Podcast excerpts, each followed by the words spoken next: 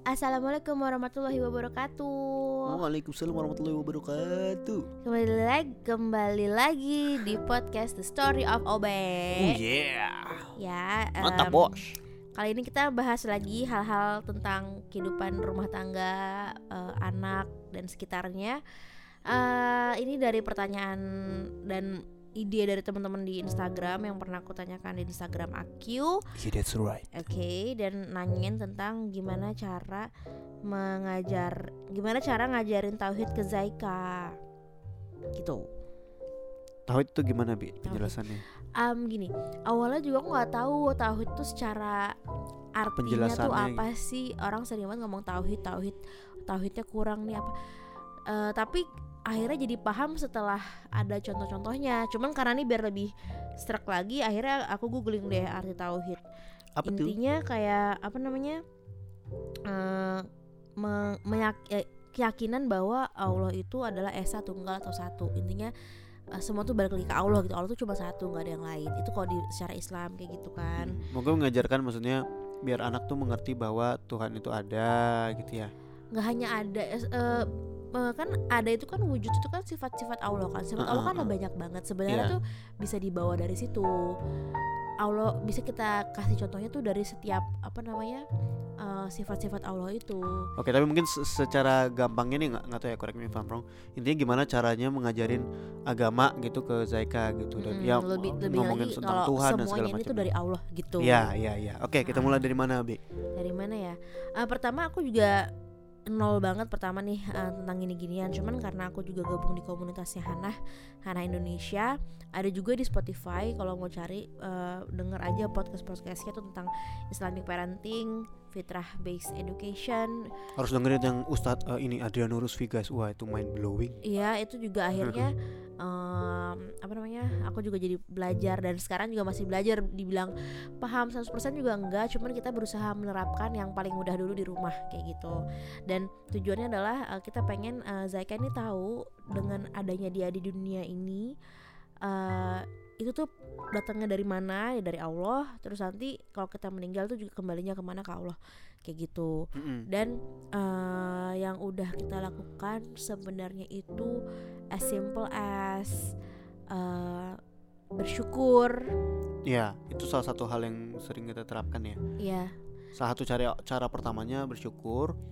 Tapi gimana jelasin konsep bersyukurnya kali ya maksudnya ha-ha. kan susah tuh anak kecil 2 tahun lagi gimana ngomong tapi bersyukur nak gitu kan kayak susah Iya, ya tapi sebenarnya sebelum itu semua biasanya kita, eh, sama saya itu pertama kali dari buku ya. Hmm, Baca-baca ya, buku, kan. benar-benar Buku cerita yang akhirnya dia mengerti oh kita tuh dari eh, apa namanya dari Allah apa segala macam gitu manusia mungkin bukunya lebih gitu-gitu. kayak gini em, semua semua di pokoknya katanya keywordnya adalah semua semua kembalikan ke Allah. Jadi misalnya eh, kita lagi jalan-jalan ke taman atau melihat sesuatu yang bagus banget Em, di taman ada bunga-bunga ada pohon ada burung ada kucing ada macam-macam. Kita bisa ngomong kayak Zeka ih bagus banget bunganya ya.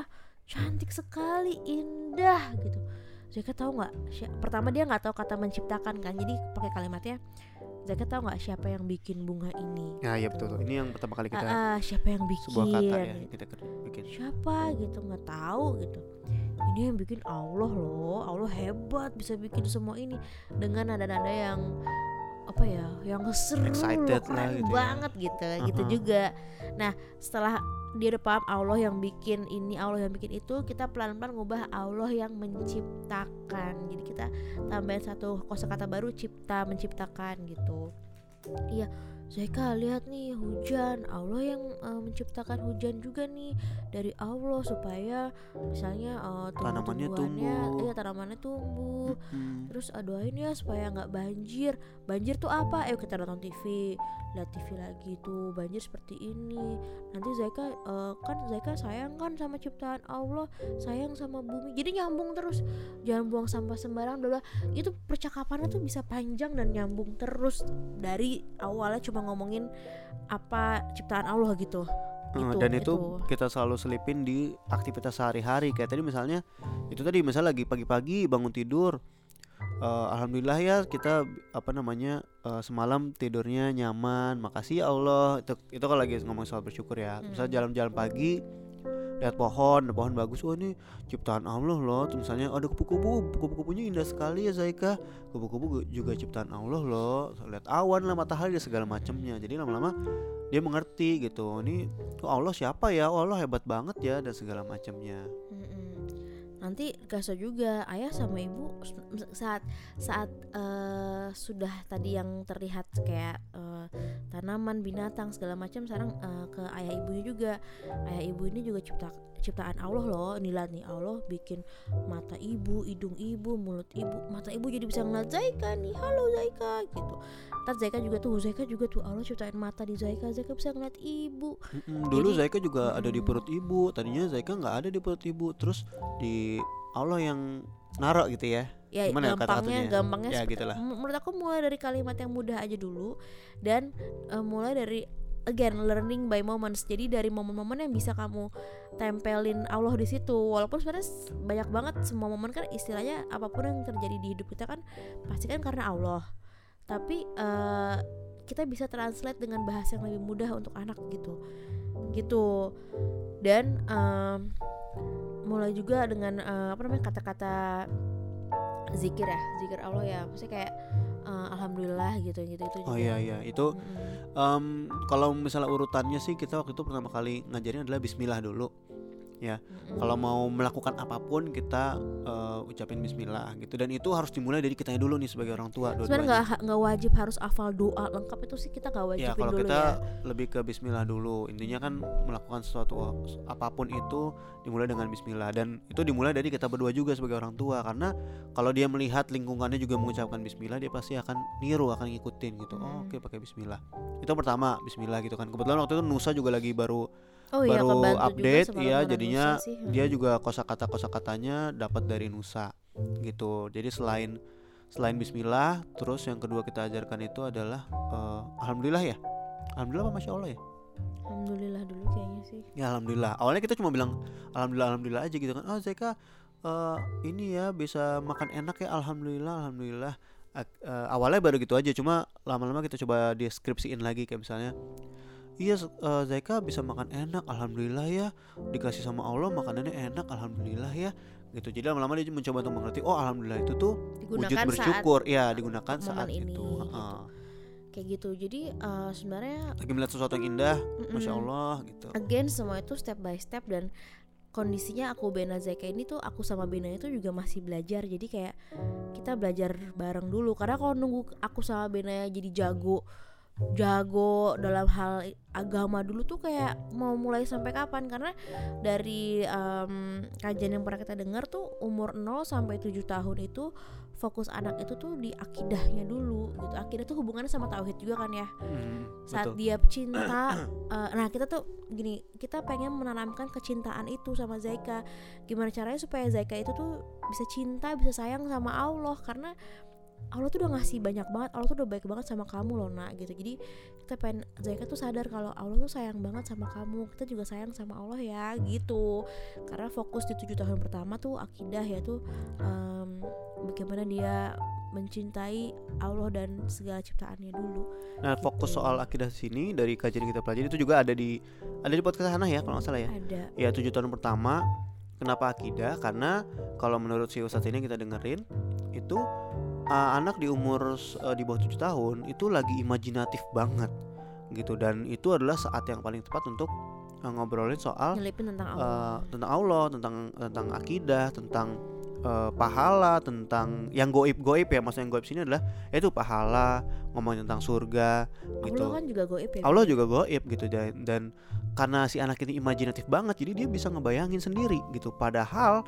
itu tidak tidak tidak bisa dilihat dengan mata kepala gitu kan ngomongin pahala gitu kan. Ngomongin sesuatu yang tidak tidak ada fisiknya lah gitu ibaratnya. Gitu dan em, apa namanya oh, ya itu satu hal ya sesuatu yang goib itu akan lebih gampang masuk ke dia gitu. Jadi itu juga yang kita kita eh, sempat ceritain ke Zaika tentang surga.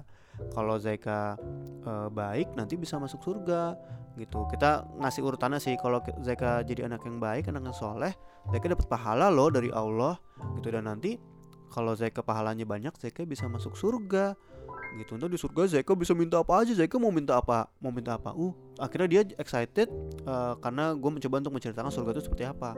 Gue bilang surga di surga kita bisa ngapain aja loh? Zaika mau minta apa? Zaika mau naik kereta Zaika mau naik pesawat gitu. Oh bisa. Ntar apa segala macem. Ya sebenarnya ini bikin dia excited gitu. dulu kalau zaman aku kecil aku rasakan ya pembahasan tentang agama ini tuh sesuatu yang aneh dan Mm-mm. tidak conversational ya Nggak gue bisa- kita aja nggak pernah kebayang ngomongin kayak gini Iya, Zaika coba aneh Sumpah. aja ngomongin kayak hal kayak gini sama keluarga sama orang tua tapi ternyata ada kok dengan anak yang masih usia di bawah 7 tahun ini kita bisa kok ubah percakapan tentang agama ini jadi hal yang seru dulu gitu loh. Setidaknya dia tuh aware dulu tentang penciptanya siapa dia sayang sama penciptanya dan dia semangat untuk dapetin pahala. Itu dulu aja tujuannya. Nanti eh, baru kan 7 tahun ke atas kan dia udah ada eh, apa namanya eh, ibadah dilatih untuk ibadah segala macam mhm. 10 tahun wajib sholat. Yang tujuh sekarang tahun bu? Bukan? Tujuh tahun wajib sholat? 7 bukan 10 ya. Ya aku lupa deh jadinya. Ya itu. Nah eh tujuh tahun belajar sholat. Belajar kan 10 yang balik wajib. baru ini. ya yang ya balik. maaf dah kalau salah ya, ya kita ya. gitu deh. Jadi lupa dah. Nah terus eh, apa namanya si em, tapi bukan berarti tujuh tahun ini kita tidak sama sekali tidak ngajarin sholat atau kita ngebiarin dia. Intinya hanya ngenalin dulu aja oh ini ayah ibunya sholat kok. Ngapain sih ayah ibu sholat? Kadang tuh anak bener nggak nih? Anak-anak tuh kadang kalau ibu mau sholat dulu ya. Nggak boleh ibu nggak boleh sholat. Mm-mm. kayak se se se ustadz ustazah apa pun orang itu kadang tuh anak tuh pasti ada poin-poin yang ibu nggak boleh sholat. Jangan langsung ngejudge wah anakku kerasukan setan. Jangan langsung gitu. Karena mungkin mereka tidak punya beban untuk melakukan sholat itu. Ya dan mereka, belum segitunya ngerti belum dapat apa sih yang ibu lakukan. kenapa harus sholat gitu. Akhirnya ya memang eh, kita juga ngomong eh dosa. Nah sebisa mungkin aku sama Bena nggak Iya. mau ngomong dosa dulu kita ngomong yang positif dulu sekarang. aja semua ya. Eh, positif dulu aja. Kita cuma ceritain surga. Ya kita kita ceritain pahala. neraka, kita belum ngomong Allah bisa marah atau marah apa. Allah atau dosa Allah nggak suka. Kita belum ngomong kayak gitu. Kita benar menciptakan image Allah itu tuh yang baik. Eh, bukan Allah jahat ya maksudnya kan Allah kan maha adil. Tapi kan tuh nanti itu terlalu berat. Jadi lebih ke yang Allah itu sangat baik Allah sayang sama kita kayak gitu-gitu dulu Misalnya kayak gini, dia. Eh, Zaika eh, kan mesti makan pakai tangan kanan tapi Zaika eh, pakai tangan kiri kita nggak kita nggak eh, instead of bilang eh nanti dosa loh atau misalnya ih Allah Allah marah loh nanti kalau Zaika pakai tangan kiri tapi kita ubah bahasa jadi kayak eh, Nabi Muhammad kan ngajar ngajarinnya makan pakai tangan kanan biar dapat pahala lebih ke gitu Terus lucunya kalau ngomongin Zaika udah mulai ngerti konsep pahala kan karena dia tuh tipe yang anak yang transaksional. Jadi kayak kalau gue ngelakuin A dapet A, gue akan semangat gitu loh. Misalnya kayak gue eh, buang sampah nih, Zaika mau buang sampah nggak? Kalau buang sampah sendiri dapat pahala loh. Mau. Nah, dia tuh tipikalnya kayak gitu. Jadi Hmm. kalau misalnya dia habis melakukan hal baik tersebut, akhirnya eh, kita bikin sound effect cring cring cring cring, Zaika dapat Iya. pahala kayak gitu. Dia dia jadi semangat dan Iya, bahkan mencering-ceringkan goib ya. dirinya Hmm, sendiri. padahal itu gue Iya. sesuatu yang dia tidak bisa lihat gitu tapi ternyata dia happy dengan itu ya mungkin karena dia juga, juga sudah mulai mengenal eh, oh ini dapat pahala dapat pahala dari Allah supaya bisa masuk surga mungkin gitu Iya, jadi pertama juga harus paham karakter anak kita gimana karena karakter anak aku tuh tadi transaksional sama dia juga orangnya eh, gerak banget. Jadi kita bisa bisa masukin konsep-konsep tersebut di eh, sesuai dengan dirinya. Nanti beda lagi kalau anak kamu misalnya anak kamu perasa bisa kamu arahin kayak oh, oh, kakak punya hati yang lembut ya. Kalau kakak bantu orang itu kakak dapat pahala loh. Udah orangnya senang, Allah juga senang. Jadi kita bisa mengkondisikan sesuai dengan karakter anak kita gitu. Dan satu cara ini nggak bisa langsung efektif di anak kamu, cuman poinnya sama semua. Mulai dari hal yang termudah dan mulai dari hal yang menyenangkan dulu semuanya. Jangan langsung diancam anak dengan dosa dan neraka itu nanti dulu. Karena kenapa? Misal gini kita pernah eh, dulu eh, nggak nggak kita sih karena di film Musa juga ada setan-setannya kan.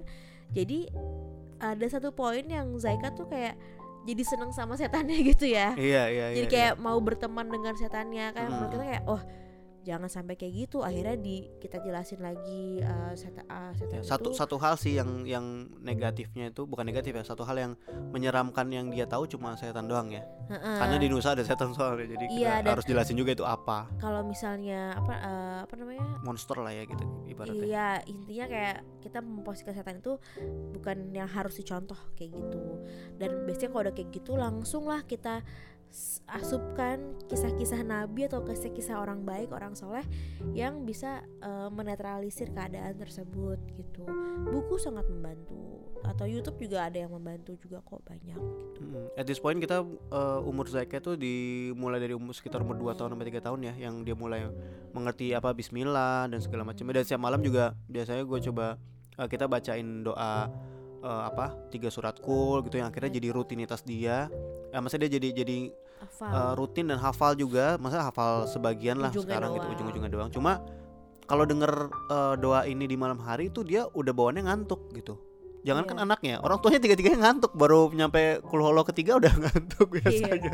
Karena sudah jadi rutinitas kita, udah jadi autopilot kalau denger doa ini tuh bawaannya jadi pengen tidur kalau malam-malam gitu. Apalagi ya kalau soal setan tadi, ya dia dia karena taunya jujur aja taunya banyak karena dari Nusa. Jadi kadang kalau misalnya lagi di kamar mandi, eh Zai- eh, ayah jangan lama-lama di kamar mandi, banyak setan gitu. Hmm. Atau eh, airnya jangan kenceng-kenceng, mubazir gitu ya. Kita sih bersyukur sekali ya dia eh, karena di Nusa fun, jadi dia juga belajar dari situ. Mm-mm, kita tinggal Ha-ha. Dan mungkin satu pertanyaan em, coba kamu jawab gitu ya. Kalau misalnya mungkin yang dengerin ini ada yang anaknya udah lebih dewasa, misalnya udah umur 8 tahun terus gimana dong kalau misalnya belum banyak eh, ngasih tentang tauhid atau akidah ke anak gimana? ulang dari awal kan stepnya jadi Uh-uh. bikin dia cinta dulu sama Allah dulu cinta sama Allah cinta sama Nabi dan Rasulnya sama agama kita itu dulu karena karena saat dimulai dari cinta dan dimulai dari hati itu akan lebih awet insya Allah dibanding yang kita sifatnya kayak nyuruh-nyuruh galakin. Orang antar anak, Iya, anak akan jadi trauma sama perintah sholat misalnya. Betul betul. dan anak akan jadi males sama perintah sholat. Karena tujuan kenapa tujuan kita cinta dulu? Supaya nanti saat dia gede eh, apa ibadah itu buat dia tuh bukan sekedar rutinitas bukan sekedar autopilot tapi memang dilakukan karena gue sayang sama Allah gue pengen dapat pahala. pengen dapat pahala gue pengen dapat surga kayak gitu. Jadi pengen ada kesadaran itu yang tumbuh di diri anak sebenarnya itu. Itu sih. Gitu dan. Jadi kalau tadi sempat aduh ingusan ini enak banget hidung mampet. sama Jadi apa yang kita tadi sempat bahas kenapa di umur 0 sampai 7 ibaratnya kita menginvestasikan waktu kita untuk masukin asupan eh, akidah dan tauhid itu di tujuh tahun pertama supaya itu bakal dibawa banget saat dia eh, tujuh tahun ke atas gitu. Jadi bukan berarti eh, menurut gua nggak ada kata terlambat ya meski, mes- misalnya anaknya udah gede udah umur 10 tahun atau 15 tahun nggak apa-apa. Dicoba lagi cuma mungkin lebih ada Pendekatannya tantangannya. iya pendekatannya pasti beda. Karena itu tadi anak umur nomor 7 lebih lebih imajinatif lebih bisa menerima sesuatu yang goib dibandingkan yang Dia sudah tujuh- lebih dewasa 7 sampai 10 lebih eksploratif. iya lebih Mungkin kenal eksploratif Allahnya dengan ajak jalan-jalan naik gunung, Oh, nyelam atau laut, belajar tentang apa. sainsnya di Iya. di Al-Quran tuh ada loh kenapa ini bisa begini kenapa bisa begitu dan segala macamnya akhirnya oke dia excited dan akhirnya intinya mengenali dulu sih siapa Allah itu Again, satu satu satu banget nih yang paling penting. Semua itu nggak akan terjadi kalau ayah sama ibunya belum kompakan. Jadi pertama first thing first tuh aku hampir lupa ngomong ini. Sebelum kita belajar A B C D E F G sampai Z suami istri harus kompak dulu nentuin kita nih mau ke mana tujuannya gitu. Kalau memang tujuannya nggak cuma di dunia tapi di akhirat insya Allah eh, segala action kita di dunia ini tuh sudah eh, currency-nya kata ayah currency-nya bukan cuma materi uang aja tapi currency-nya juga pahala gitu. Betul sekali. Karena kalau misalnya ibaratnya eh, nggak kompak gitu berdua akan susah. Ntar yang satu ngomongin tentang apa yang satu apa istrinya ngomongin tentang apa bapaknya ngomongin tentang apa jadi nggak nggak nggak masuk aja nggak nyambung gitu. Padahal kan eh, sesuatu yang harus maksudnya kita harus ngomongin apa ya aduh aku jadi nggak nggak nggak connect nih. Intinya saat kita mau ngajarin anak sesuatu ya harus kita berulang-ulang kita kasih tahu gitu. Kalau misalnya cuma oh bapaknya ngomong A ibunya ngomong B ya kira jadi nggak masuk ke anaknya gitu. Iya. dan ya jadi nggak enak aja. Padahal sebenarnya kalau dua-duanya bersatu ini bisa lebih cepat untuk si anaknya paham dan mengerti maksudnya. Karena dia juga melihat bapak ibunya melakukan hal itu juga. Dan kalau misalnya masalah support system misalnya kayak nenek kakek eh, Pak Om Pak D segala macam belum sama uh, apa ya visi misinya sama kita sebenarnya nggak apa-apa. Namanya juga kita nggak bisa jadiin semua orang kayak gitu tapi at least kita tahu batas aja. Oh oke okay, kalau anak lagi di rumah uh, saudaranya dia boleh deh kayak gini tapi nanti saat dia pulang ke rumah bisa kita kasarnya nih detox gitu. Iya, kita yeah, asupin lagi uh, apa kebaikan-kebaikan atau enggak uh, hal-hal seperti kisah-kisah Nabi lagi segala macam gitu kita masukin lagi supaya dia kembali ke uh, ininya yang kita inginkan gitu. Iya, kayak berikutnya aku pengen ngebahas soal tuning tuningan itu deh, kayak iya. lebih menarik ya. Nah, jadi teman-teman ini kan uh, pembahasan kita kan mm -hmm. uh, dari apa yang kita jalani sebagai praktisi di rumah. Tapi kalau misalnya kalian mau denger uh, lengkapnya tadi aku saranin di podcastnya Hana Indonesia yang H A N N A H H A N N A H dot Indonesia itu banyak banget pembahasan di situ cari yang hmm, Ustadz Adriano Rusfi atau kamu bisa follow juga Ustadz Hari Santosa. Nah itu dia juga biasanya membuka konsultasi.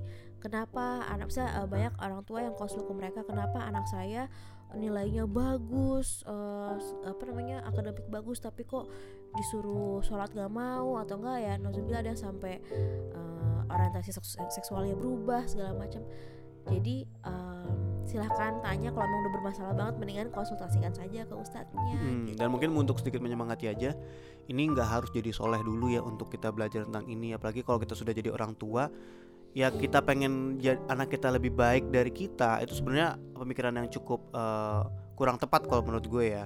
Karena kalau misalnya kita mau anak kita lebih baik dari kita harus dari kitanya dulu mencoba untuk jadi lebih baik gitu. Dan kita pun juga di sini benar-benar baru belajar banget ya. Setahun terakhir ini baru mulai lebih banyak belajar lah gitu tentang agama. Jadi ya kitanya juga lagi semangat mulai belajar dan kita bisa terapin itu ke Zaika. Dan jadi berarti kita juga nggak nggak sempurna gitu. Zaika juga tahu mungkin kadang ada kita masih suka marah ada segala macamnya itu kita uh, juga coba jelasin ke Zaika. Tapi paling nggak dia mengerti gitu bahwa uh, dia melihat bahwa sekitarnya juga lagi melakukan uh, lagi sekitarnya anak kan peniru banget ya. Jadi berarti kalau kita lagi ngajarin dia sesuatu dan lingkungannya juga eh, melakukan hal yang sama dia akan terpengaruh gitu. Ngerti gak sih mas aku? Nggak ngerti ya intinya kasih dia asupan yang baik lah contohkan dia yang baik karena dia peniru ulung anak-anak segitu tuh yeah, iya, contoh yeah. banget walaupun dia nggak ngerti tuh sujud tuh esensinya apa ruku tuh esensinya apa tapi dia niru at least tuh itu sesuatu yeah. yang familiar yang, buat yang mau aku dia. coba sama itu maksudnya kita nggak harus jadi super soleh banget dulu untuk ngajarin agama ke anak gitu yeah. jadi maksudnya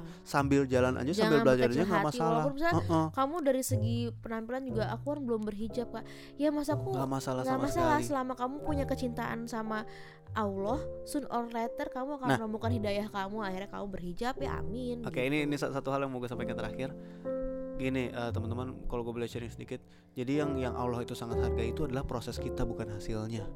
Gitu ya. Jadi ibaratnya kalau emang kita udah ada niat baik nih mau belajar banyak mau berubah jadi lebih baik itu yang Allah bakal nilai banget gitu. Mau ternyata apa namanya hasilnya ntar gimana tapi niat baik itu progres itu sangat dilihat sekali gitu. Karena hasilnya ntar bisa jadi Allah yang akan menentukan hasilnya seperti apa. Tapi uh, progres itu niat baik itu uh, keinginan kita untuk belajar dan segala macam itu sangat sangat sangat dihargai dan itu pahalanya luar biasa banyaknya. Apalagi buat anak ya. Maksudnya kita nggak tahu loh anak kita nanti 20 tahun ke depan itu dunia seperti apa. Karena dunia uh -uh. sekarang aja tuh sudah menyeramkan untuk kami yang punya anak itu takut sebenarnya tapi kita nggak bisa bikin suasana jadi steril kita cuma bisa tanamin anak tuh uh, agama di hatinya uh, supaya dia bisa terbentengi dari hal-hal negatif yang kita nggak pengen mereka sampai kena gitu iya begitulah kira-kira udah lama nih hampir setengah jam oke okay. karena kalau udah ngomongin ini memang dari Panjang hati banget pasti, ya dan iya, kita emang pengennya kayak nggak cuma dari mengalir. kita doang walaupun kita masih awam tapi kita pengen banget teman-teman juga